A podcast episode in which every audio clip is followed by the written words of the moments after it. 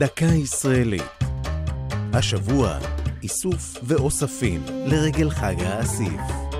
והפעם, שעונים שדודים. שוד שעונים בשווי עשרות מיליוני דולרים, חקירת משטרה שנמשכה 25 שנה, ופורץ אגדי שמת בחוסר כל. כל אלה הם חומרים לסרט הוליוודי שובר קופות, אלא שמדובר בסיפור שהתרחש באמת במוזיאון לאומנות האסלאם בירושלים.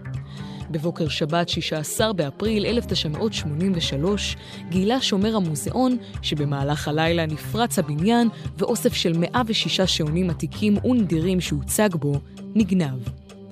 את השעונים תרמה למוזיאון בתו של האספן, הבנקאי היהודי הבריטי דיוויד סולומונס. חוקרי משטרה רבים נכשלו בניסיון להבין מי הצליח לפרוץ למוזיאון ולקחת עמו את השעונים מקרי הערך, בהם שעונה של מלכת צרפת מארי אנטואנט. 25 שנה אחרי השוד הנועז, נחשפה זהות השודד ואותרו כמחצית מהשעונים שנגנבו. הפורץ היה עבריין מוכר, נעמן דילר, ואת השעונים החזיק בכספות בבנקים בחו"ל. בטרם נפטר, סיפר לאלמנתו על השוד והוריש לה את רכושו, וכשהיא ניסתה למכור את השעונים, עלו החוקרים על עקבותיה. לאחר משא ומתן הוחזרו מרבית השעונים למוזיאון, והם מוצגים בו עד עצם היום הזה.